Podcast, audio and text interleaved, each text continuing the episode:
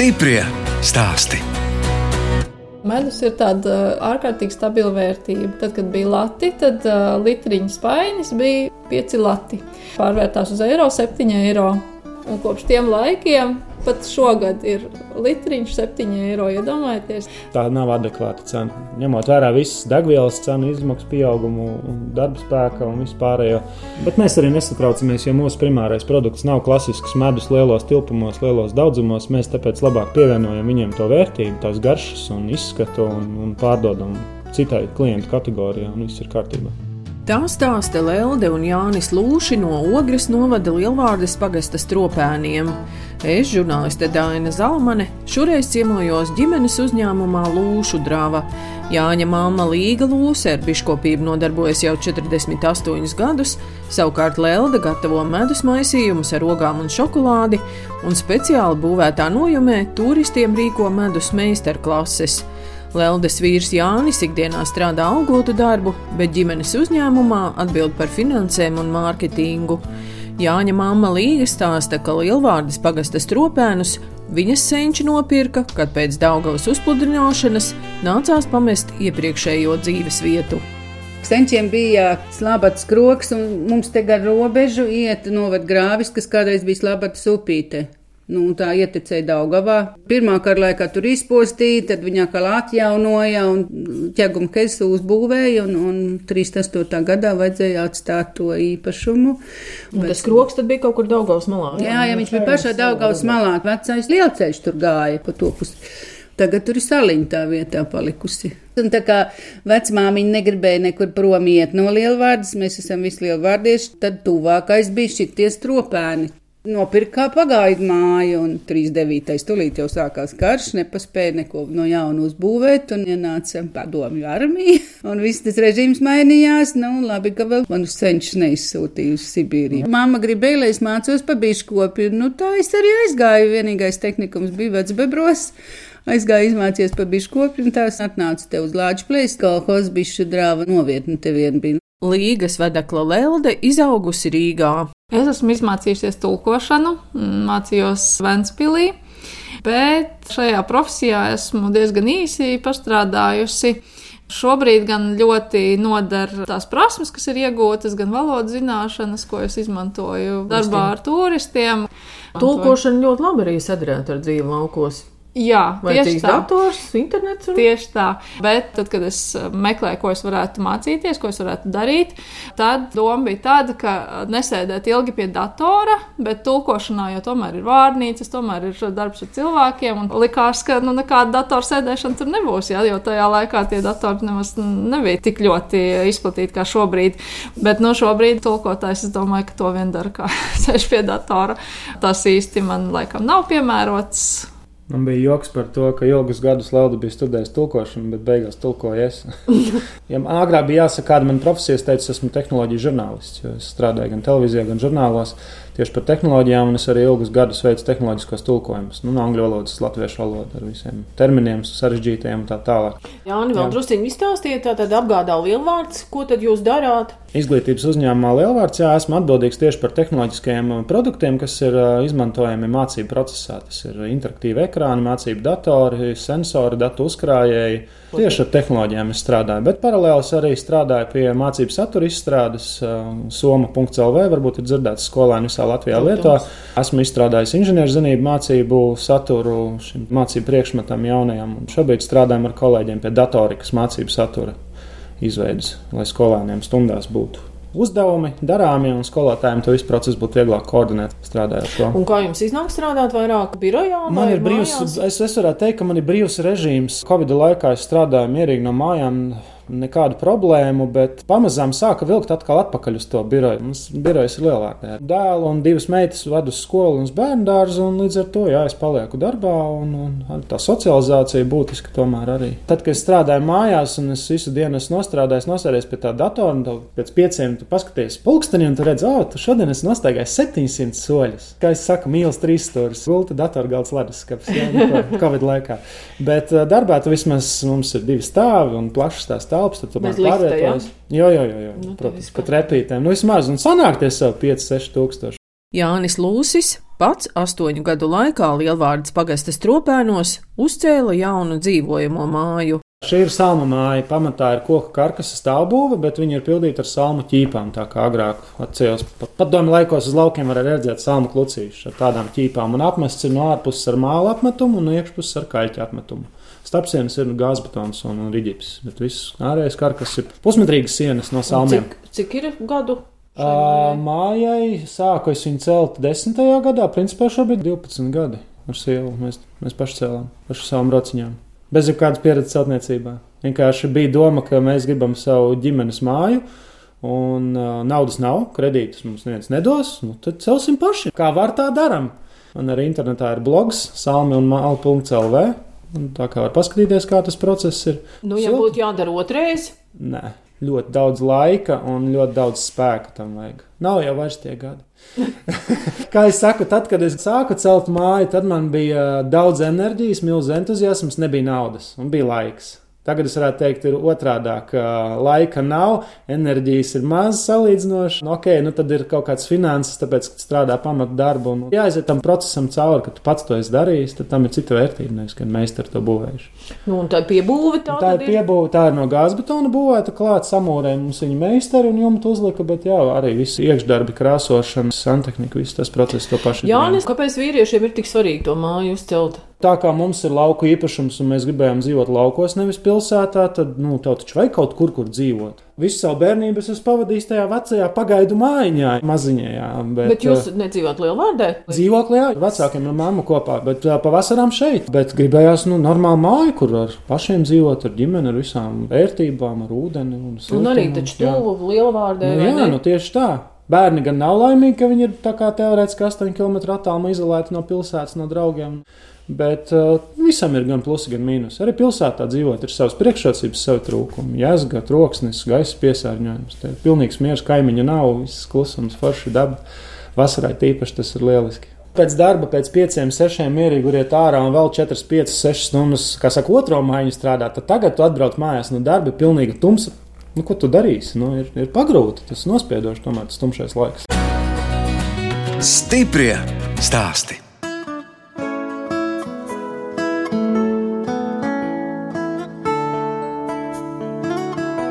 Jūs klausāties raidījumu stipri stāstī. Turpinu ciemoties pie Lūšu ģimenes, kas Ogres novada Lielvārdas pagastā izveidojuši ģimenes uzņēmumu Lūšu drava. Saimniekiem ir 50 bišu saimes, un gadā viņi ievāc no pusotras līdz 3 tonnām medus. Lūšu dravā uzņem arī turistus, un viņi var, piemēram, ar gumijas čību sitot pa plasmasas caurulēm, paši uzspēlēt kādu melodiju.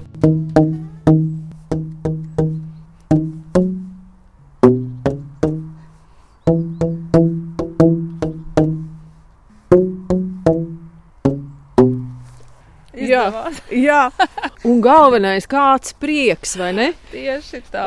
Vīrs ļoti centās salāgot visas tās skaņas, bet viena nots mums tur drusciņi, drusciņi, drusciņi no, nav, noskrējusi. Jā. Kopā ar Leldi Lūsi dodamies uz pagalmā esošo apaļo nojumi ar plastikāta sienām. Tur notiek medus meistarklases. Piedalījāmies vietējās rīcības grupas projektu konkursā. Un tad eh, par šīm eh, projekta naudiņām mēs varējām gan uztaisīt šīs plastikātas sieniņas, gan aprīkot nojumi ar galdiem, krēsliem, projektoru un visu pārējo. Šobrīd mums ir tāda telpa jauka, eh, varētu teikt, ka tā ir ārtelpa, bet tomēr tas ir iekšā, kur nepūš vējš, kur nesadzen lapas, kur nesasniegs sniegs. Mēs tam uzlikuši gāzes sildītāju, jā, jo tā ir nepieciešamība. Tad, kad uh, cilvēki izdzīvojas pāri, kad viņi ir izspēlējušies disku golfu, tad viņi vēlas ienākt iekšā, lai tomēr drusku kāds siltums būtu. Es jau vienmēr saku, ka istabas temperatūru mēs šeit nepanāksim, bet tāpat ir liels kontrasts, ja ir ārā tie daži grādi, un tad ienākam iekšā un šeit jauki sildās uguntiņi no šī gāzes sildītāja. Šeit notiek medus nodarbības. Pārsvarā jaunieši brauc pie manis, samaisa savu medus maisījumu un ieliek burciņā, un to burciņu paši apdarina pēc saviem ieskatiem. Pieaugušie reizēm tiešām ilgi pārdomā savu topošo dizainu, mēģina izveidot kaut ko ļoti, ļoti unikālu. Lūšu dravas apmeklētāji var arī uzspēlēt disku golfu. Cilvēks var spēlēt viens. Viņš var spēlēt komandā, bet joprojām spēlēt tikai pret sevi. Protams, notiek arī sacensības, kad cilvēki salīdzina savus rezultātus, bet mēs esam uztaisījuši disgolfa laukumu tiem, kas ir iesācēji. Mums laukums ir puse no tradicionāli celiņu skaita. Tātad vienmēr ir 18, mums ir 9 celiņi mūsu trasē, un celiņi ir pietiekami īsi, lai tie, kas spēlē pirmo reizi, neapniktu līdz spēles beigām, lai viņi saprotu to spēles garšu. Bet nebūtu noguruši. Šeit var trenēt tuvos metienus. Savukārt uz lauka mēs izējām, tur jau trenējam tālos metienus, jo tie tālie metieni ir krietni gari. Šeit mums ir izveidots arī tāds rotaļu laukumiņš, kas ir bērniem vairāk paredzēts. Protams, arī pusauģi ļoti labprāt šeit šūpojas un, un darbojas. Tādas interesantas batutu šūpoles.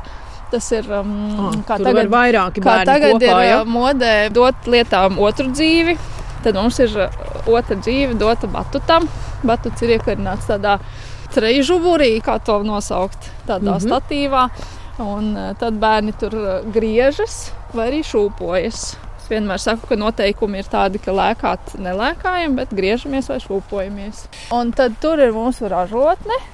Tur bišu mājiņa. Tur es darbojos. Šeit mēs varam redzēt bišu mājiņas, kā es bērniem saku, jeb stropus tad no šejienes jau arī nāk tā bagātība, ar ko mēs pēc tam iepriecinām savus viesus. Par bišu saimēm rūpējas gan Lelde, gan viņas vīra māte.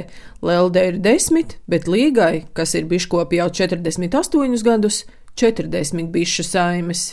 Līga ievāc medu, bet uh, viņai savukārt neīpaši patīk uh, darboties ar klientiem. Sākotnēji lošu drāvā tikai iegādājās medu no līgas, Ko tas nozīmē? Tas nozīmē pārstumt pāri koridorītim un no līgas saimniecības, jā, ar pavadzīmi nogādāt lošu dravā, kas ir divu soļu attālumā.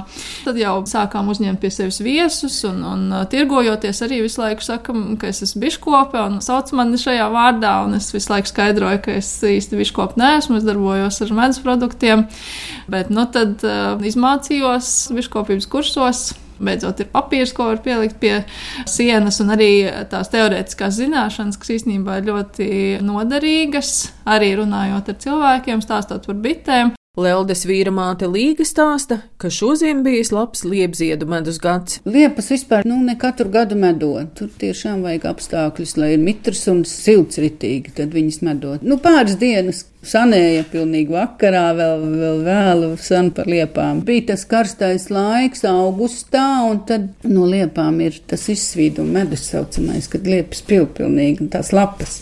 Mašīna apakšā nevar apakšā. turēt, tad stikli visi lipīgi. Jā, jā. Mēs parasti sakām, ka mums ir tiešām dažādu ziedu medus, jo mums ir blakus gan lielas pļavas, gan meža. Līdz ar to tas medus vienmēr ir pa vidu. Viņš nav ļoti gaišs, nav ļoti tumšs. Tāds tiešām ļoti labs vidusceļš. Jo tumšie meža medi ir ļoti stipri, gaišie, kas ir tikai pļavas, tie atkal neitrālāku garšu. Tie gaišie medi ir ļoti labi maisījumiem, ko Lelde gatavo jo viņiem neitrāla garša. Tad pieejauc klāt. Par šiem medus maisījumiem tie arī tapa, jo Jānis kā dravā audzis, parastais medus viņu jau vairs neuzrunāja. Jā, viņš medu nēd. Un tad mēs izdomājām, ka šos produktus, kas ir ar, ar skābām garšām, var ļoti labi piedāvāt cilvēkiem, kas um, tradicionālo medu īpaši mm, Un uh, tās ciena. skābās garšas, tās ir ogas? Skābās garšas ir pievienotas ogas un, un augļi dažādas šīs garšas, bet medus paliek pamatā, jo medus jau ir tas veselīgais produkts, ko mums vajadzētu pakarotītē iest. Un, un tādā veidā, kā tādu našķi, var, var arī šo medu iest katru dienu. Medus ar šokolādi ir tāds kā Nutellas aizstājējs, jo visiem gribas to smērējamo šokolādi, ko var uh, uz maizēm uzsmērēt. Nu, tad šis ir uh, ļoti labs variants, jo medus ir veselīgs un melnā šokolāde ir veselīga. Medus ar riekstiem, nu tas Jā, arī. Medus bet, ar riekstiem. Tā, bet arī visas šīs ogas biškopji arvien vairāk to izmanto, jo jūs jau arī neesat vienīgie, kas kaut ko tādu dara. Protams, jā. Tad, kad mēs sākām, tad bija uz vienas rokas pirkstiem saskaitāmi biškopji, kas nodarbojās nodarbojās ar šo medus maisījumu izgatavošanu. Šobrīd tomēr tā taciņa jau vairāk ir iestaigāta, um, tomēr tas prasa laiku, tas prasa atšķirīgas etiķetes, tas prasa um, darbu ar klientiem, un ja biškops strādā uz, uz lielajiem apjomiem, tad viņam tam nav laika. Tomēr tā katra burciņa tā ir neliela. Lai šo medus apjomu iztirgotu, tad ir ļoti liels darbs jāiegulda tieši šīs pievienotās vērtības radīšanā. Es esmu gājis pie bitēm smagajā laikā, kad jā, jāstiep smagās dūris un jāienes tieši raža. Nu, tad bet, jūs kā darba spēks tiek. Bet tas process, jā, man tieši pie bitēm nepavalk. Tāpēc labi, ka man ir ļoti, ļoti jaudīga un stipra sieva, kur uh, palīdz manai mammai. Nu, stiprās latviešu dāmas tiek galā ar visu. Uzņēmums mums ar sievu ir uz pusēm, jā, es esmu valdes priekšsādātājs, viss ir sadalīts. Kā mēs smējamies, sieva ir ražošanas daļas vadītāja, un es esmu atkal uh, finanšu un mārketinga daļas vadītājs. Vienkārši Latvijā ir ļoti daudz biškopju, un visi tirgo medu litras painīšos un trīs litras painīšos, kurš zemāk centas vairāk pārdod. Es sapratu, ka man šitais neiet cauri, man galīgi tā nepatīk. Tad mēs meklējam, kā tos produktus padarīt interesantākus, pievienot to vērtību viņiem pievienot. Un arī būtiski pie dizaina ļoti piestrādājām. Tas ir mans lauciņš, arī, kurā specializējos, kaut ko saprotu. Un tā mums radās gan zīmols, gan, gan interesantās etiķetes, un tā mēs bez speciāla mārketinga, bez reklāmām, bez nekā pamazām Latvijā kļuvām atpazīstami. Un visi tehniskie darbi, kas ir, protams, lai saimniecība uzturētu zāles pļaušanu, mājaslapas uzturēšana, atjaunošana, fotografēšana produktu, tas viss ir manā pārziņā atkal. Tā kā katram ir savas lomas sadalītas. Papildus lieta, ko mēs vēl darām, kas klientiem ļoti patīk, ir mēs piedāvājam specializētas etiķetes. Respektīvi, ja klients grib savām kāzām, vai Ziemassvētkiem, vai uzņēmumam Ziemassvētkiem, tad mēs izgatavojam etiķetes ar visu viņu logotipu, ar veltījumu, liekam kastītēs, lentītes, smukas apakojumu un tādā veidā. Sākumā mēs braukājām uz tirdziņiem, bet tas prasa ļoti daudz enerģijas, ļoti daudz laika, un tur arī sagatavo mm. produktu, un tev viņu visu varbūt arī neizpērk. Klasisks medus, viņš tomēr kristalizējas, viņš zaudē savu vizuālo izskatu, un tad to jādomā, kur to produktu likt. Tad mūsu tā vērtība atkal ir tajā, ka mēs katru produktu gatavojam uz pasūtījumu, un viņš vienmēr ir maksimāli svaigs ar maksimāli ilgu vizuālo un arī derīgumu termiņu. Un ko jūs darāt ar medu, lai viņš nekristalizētos? Viņš tiek uh, ievietots termokamerā speciālā, kurā tiek uzturēti aptuveni 40 grādi, kas nenodara skādi un neļauj veidoties tām kristāla ķēdītēm iekšā, lai nekristalizētu. Te ir tās nianses. Nav vairs tā, ka var tirgot parastu medu. Parastās burciņās ir daudz to knifiņu, ko lai gaitā ir jāapgūst. Viens pastāvīgs klients, ar ko mēs arī lepojamies, ir Rīgas lidosta. Rīgas lidostu veikaliņos arī ir mūsu produkti jau daudzus gadus. Diezgan labi apjomi arī iet uz turieni. Tā kā turisti, kas brauc prom no Latvijas, ļoti bieži noteikti arī paķer mūsu produktus. Un virsū ir vēl etiķetīta, be loved from Latvija. Tad tas arī viņus pavēl, ka viņiem patīk par to tirgošanu. Jūtos um, lepna, ka mm, vienos biškopju kursos uh, mūsu mājaslapa un mūsu darbošanās tiek uzslavēta kā labs piemērs, ka paralēli medus tirzniecībai mēs piedāvājam arī citus pakalpojumus, tādā veidā paplašinot to klāstu. Gan piedāvājam šīs medus nodarbības, gan ir disku golfa spēle, un nevaram sūdzēties par pieprasījumu trūkumu tieši šajā Ziemassvētku laikā arī, kas tagad nāks. Reizēm pat drusku bail tā ļoti reklamēties, jo, jo es jūtu, ka ar stipri lielāku apjomu es vairs netiktu galā. Pasūtījumi notiek tieši caur mājaslapu. Šobrīd arī pakamāta ir milzu pienesums tieši produktu nogādē līdz klientiem. Ja agrāk mēs tā kā ar mašīnu mēģinājām tur apvienot, braucot uz salas pili Rīgā, padrasītiem, tagad ielika lielvārdē pakamātā un otrā galā viņš nākamajā dienā ir. Viss ir superīgi. Kā mums parasti jautā, kāpēc jūs Ziemassvētkos tirdziņiem nebraucat? Nu, tad es tā arī saku. Nu, mums gadi ir dažādi, ir citi gadi, kad gāž no kājām, ir, kad ir klusāks, mierīgāks, bet nu, tā caurmērā ir ļoti labi. Un tad ir pavisam vienkārši jautājums, man braukt uz tirdziņu vai, piemēram, pieņemt vienu klientu pasūtījumu, kurš pasaka, mums lūdzu 1200 burciņas. Nu, kurā tirdziņā tu vari pārdot tādu apmēru? Tad vienkārši tu strādā melnu muti. Pusnovembrī, decembrī, jā, mēs lēldi mājās neredzam diži. Nu, protams, mēs arī palīdzam. Janvārs, februāris tad arī var atpūsties. Bet, nu, tāds ir tas sezonālais laiks. Vasarā ir atkal nojumi un, un turisti, un Ziemassvētku atkal šis, pēc tam pavasaris agrais ir bišķiņa atpūta. Tad atkal skolēna ekskursijas, aprīļa beigas, maija sākums. Nu, tāds cikls notiek. Stiprie stāstī!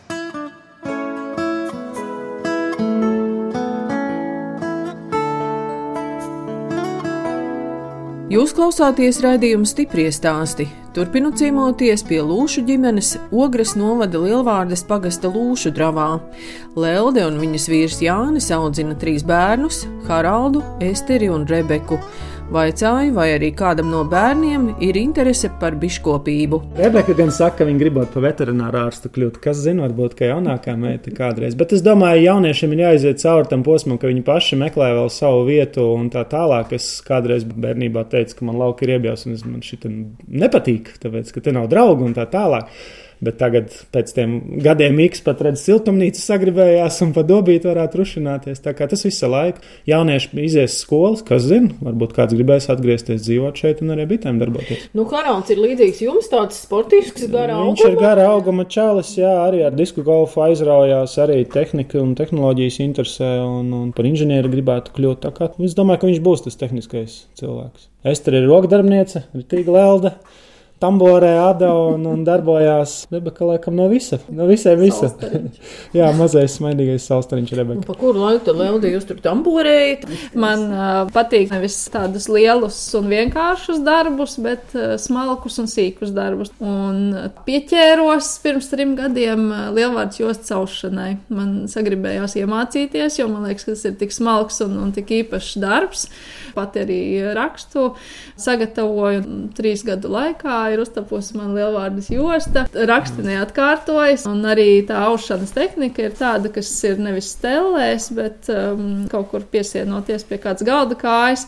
Tā ir tā senākā tehnika. Tagad es varu rotāties ar pašgatavotu lielvārdas jostu un stāstīt. Un tam droši vien ir cita vērtība. Cita vērtība. Es pat varu aprēķināt, ka diegu vērtība šai jostai ir apmēram 2,50, bet tā darba un ieguldītās enerģijas vērtība tur laikam ir nenosakāma nosakāma. Šāda ļoti smalka josta top centimetrus stundā. Tā kā, ja šeit ir vairāk par 4 eh, metri izaustas jostas, tad var pareiķināt, cik stundiņas tas man prasīja vēl papildus stundiņas, ja kaut kas noiet greizi, un tas viss ir nu, jātāda atpakaļ līdz tai kļūdiņai pieļautajai, un atkal no jauna. Nu, bet tas būs dzimtas mantojums, un es jau tagad būs vēl otra jāauž otrai meitai. Kaut Tieši kas jau tajos stropēnos varbūt ir, jo mana vecmāmiņa līgas mamma ir bijusi profesionāla audēja valsts līmenī atzīta, vai ne? Ārija. Daļa mata meistara viņa. Nu, redzat. Vecajā mājā tajā stelis bija pa visu istabu lielas stelis tāds, bet aust, ne. Līgai nebūtu pats. Kaut ko adīt es māku, bet tamborēt arī es īsti ne. Labi, ka mazmeiti. es tur tamborē. Līga, un ko tad jums patīk brīvajā laikā darīt? Nu, televizoru, protams, es paskatos, jā, vakaros, it sevišķi tagad šitajos tumšajos vakaros. No 74. jau sāk Lāčplēša dramatiskā teātrī, tad vēl bija Lāčplēša dramatiskais ansamblis. Pārgājām uz Lielvārds tautas teātri, un tad es darbojos tur tautas teātrī. Nu, lomas ir bijušas, jā, nu tagad gan es tikai kā suflieri. un cik tad mazbērni tad ir? Tev trīs, jā, nu, jā, Erikam divi, jā, pieci kopā, jā, jā. Brālis Ēriks Lūsis, jā, viņš ir vecāks par mani piecus gadus. Viņš varētu teikt, ir pirmais, kurš sāka šeit pastāvīgāk apgūt visu, uzcēla savu tur pirtsmājiņu un arī viņā dzīvojās. Teikšu tā, brālis ir, kā es parasti jautāju, viņš ir lauksaimnieks, datortīklu maģistrs. Jo viņš ir pabeidzis Jāņmojušu lauksaimniecības tehnikumu. Viņš prot braukt ar traktoru, zina, cik govi ir uh, kuņģi un uh, māca arī mežā zāģēt, gāzt kokus un tā tālāk. Viņš darīja, bet tāpat laikā viņš arī datoru tīklu maģistra grāds viņam iegūts Rīgas Tehniskajā universitātē. Viņam ir savs IT uzņēmums līdz ar to. Vai nu strādā pie datora, pie klientiem, vai ir mežā ar motorzāģi, vai uz laukiem ar pļauju zāli. Un, kā ar universāls cilvēks. Un arī Ērika sieva Linda ir izgājusi biškopības kursus, arī viņai ir pārģis stropiņi, tā kā tas šobrīd ir Leldalūsa, Līgalūsa, Lindalūsa, LL, jā, tā jau viss jau pamazām jau ir. Sievietes tieši nodarbojas. Arī daudz fiziska spēka vajag, bet tur laikam arī tā rūpe ir jāmāk turēt. Sieviete ir tomēr māte un, un, un ģimene, un, un tad bites varētu būt ar, ka ir tāda kā ģimene, kuras sievietes labāk māks. Es zinu ļoti daudz bišķu. Nē, protams, nu večiem ir tehniskā pieeja, racionālā, pragmatiskā vienkārši, ka tik vairāk med dabūt. Māma tur katru bitīti noslauka, tik nenospiež, un tāpēc ir tā, ka ar tām 40 saimēm paiet jāiet, tur viss darba laiks. Cits tur ar 200 saimēm strādā un viss paspēja viens pats. Jā, un ko tad jūs brīvajā laikā, kad nav te pie mājas nekas jādara? Disku golfs, tas ir mans hobijs. Man arī biedrs sauc par disku golfa vectētiņu Latvijā, jo es Latvijā 2008. gadā izveidoju pirmo disku golfa laukumu. Un, jā, mēs ar Haraldu braucam uz sacensībām, kad ir laiks uz laukumiem patrenēties. Protams, ir arī laukums pie guļamistabas loga, bet nu, nesanāk viņā paspēlēt tik daudz, kā gribētos. Bet jā, tā ir mana fiziskā aktivitāte, ko es daru. Tad, kad nav viss pārējais, jārok tranšējas priekš ūdens apgādes, vai jāpļauj zāle, jāremontē traktors un tā. Elektrības lietas, ko vajag izdarīt, un, un, un apkurss, un visi vis šie tehniskie darbi jādara, jārisina. Covid laikā Lūšu dravā uzcelt arī pirtiņa bērnas lotas, tur ir arī liepas. Un stūros mums ir sakarināti Jāņu vainagi, jo mums ir ļoti, ļoti jauka tradīcija. 21. datumā mēs vienmēr tiekamies šeit diezgan kuplā pulkā.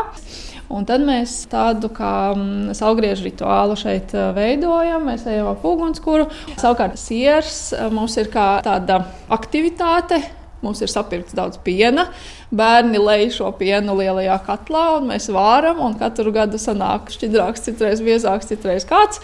Bet vienmēr ļoti, ļoti garšīgs sieras. To jau uzreiz siltu var apēst. Tas arī mums tāda tradīcija jauka. Nu, redz, kā mēs te par tiem jāņem aizrunājāmies. Jā. Jā, kaut gan mēs tiekamies tajā gada tumšākajā laikā. Vai jā. jums ir arī kaut kādas tās?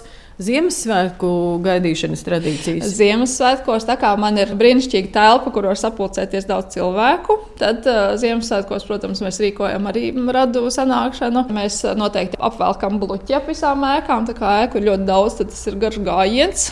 Bet īstenībā Ziemassvētki paskrien ārprātīgi ātri. Jo Ziemassvētkos visiem vajag medus dāvaniņas, kā jūs saprotat. Karstākais darba laiks. Un tad ir uh, bērnu dārzā visi pasākumi, un skola divu klašu visādi pasākumi, un visādi citu kopienu pasākumi. Un Ziemassvētku laiks paiet ārprātīgi ātri. Reizēm pieceļos pāris stundas pēc gulēt aiziešanas, no kā sāku strādāt. Bet nu, mēģinu ar prieku uztvert arī visu to darbu. Kādreiz varētu gribēties arī uzņemt apmeklētājus, kur var palikt šeit pa nakti.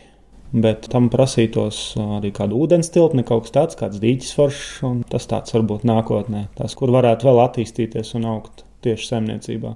Varbūt arī kāda papildus spēka ražošanā, lai nav tā, ka LD vienai pašai viss, viss ir jāizdara. Kāds pastāvīgs, liels, apjomīgs klients, tad arī varētu arī ražošanu attīstīt. Bet no nu, atkal, cik stabili vispār var justies šajā laikā? Tāpēc mēs esam priecīgi par šādu savu uzņēmumu, kuram, ja pieņemsim arī kādu mēnesi, ir tukšais laiks un, un, un nu, nav to apmeklētā vai pasūtījumu, tas mums nav primārais izdzīvošanas jautājums. Lūšu draumas ir ļāvis ļoti attīstīties tieši saimniecībai, ja visai videi labi iekārtot viņu, ja, bet tas nav izdzīvošanas jautājums, vai mums būs par ko apmaksāt elektrību vai, vai nopirkt pārtiku. Tāpēc man ir pamats darbs.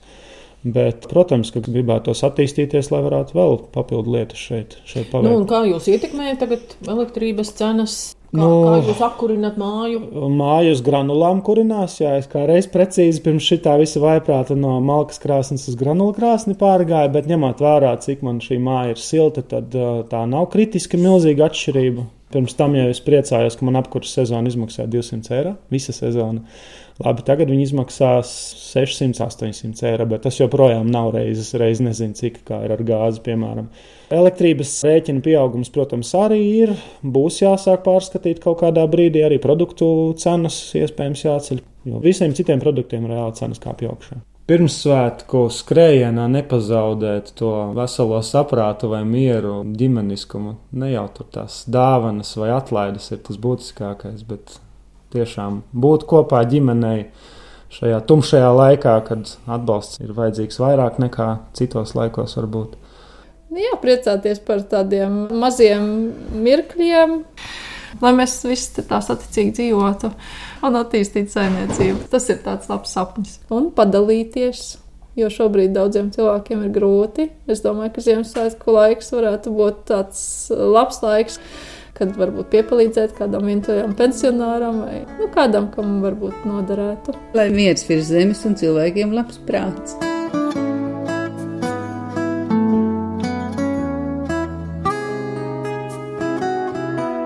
Raidījums stipri stāst izskan, un mēs atvadāmies no Lūšu ģimenes, kas saimnieko Ogres novada Lielvārdes pagasta Lūšu dravā. Saimniecībā ir 50 bišu saimes, un Lelde gatavo medus maisījumus ar ogām, rīkstiem un šokolādi.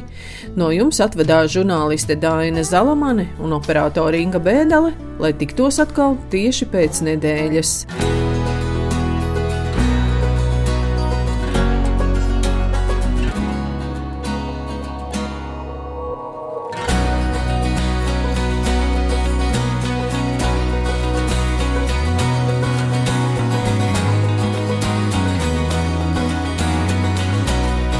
Stiprie stāsti.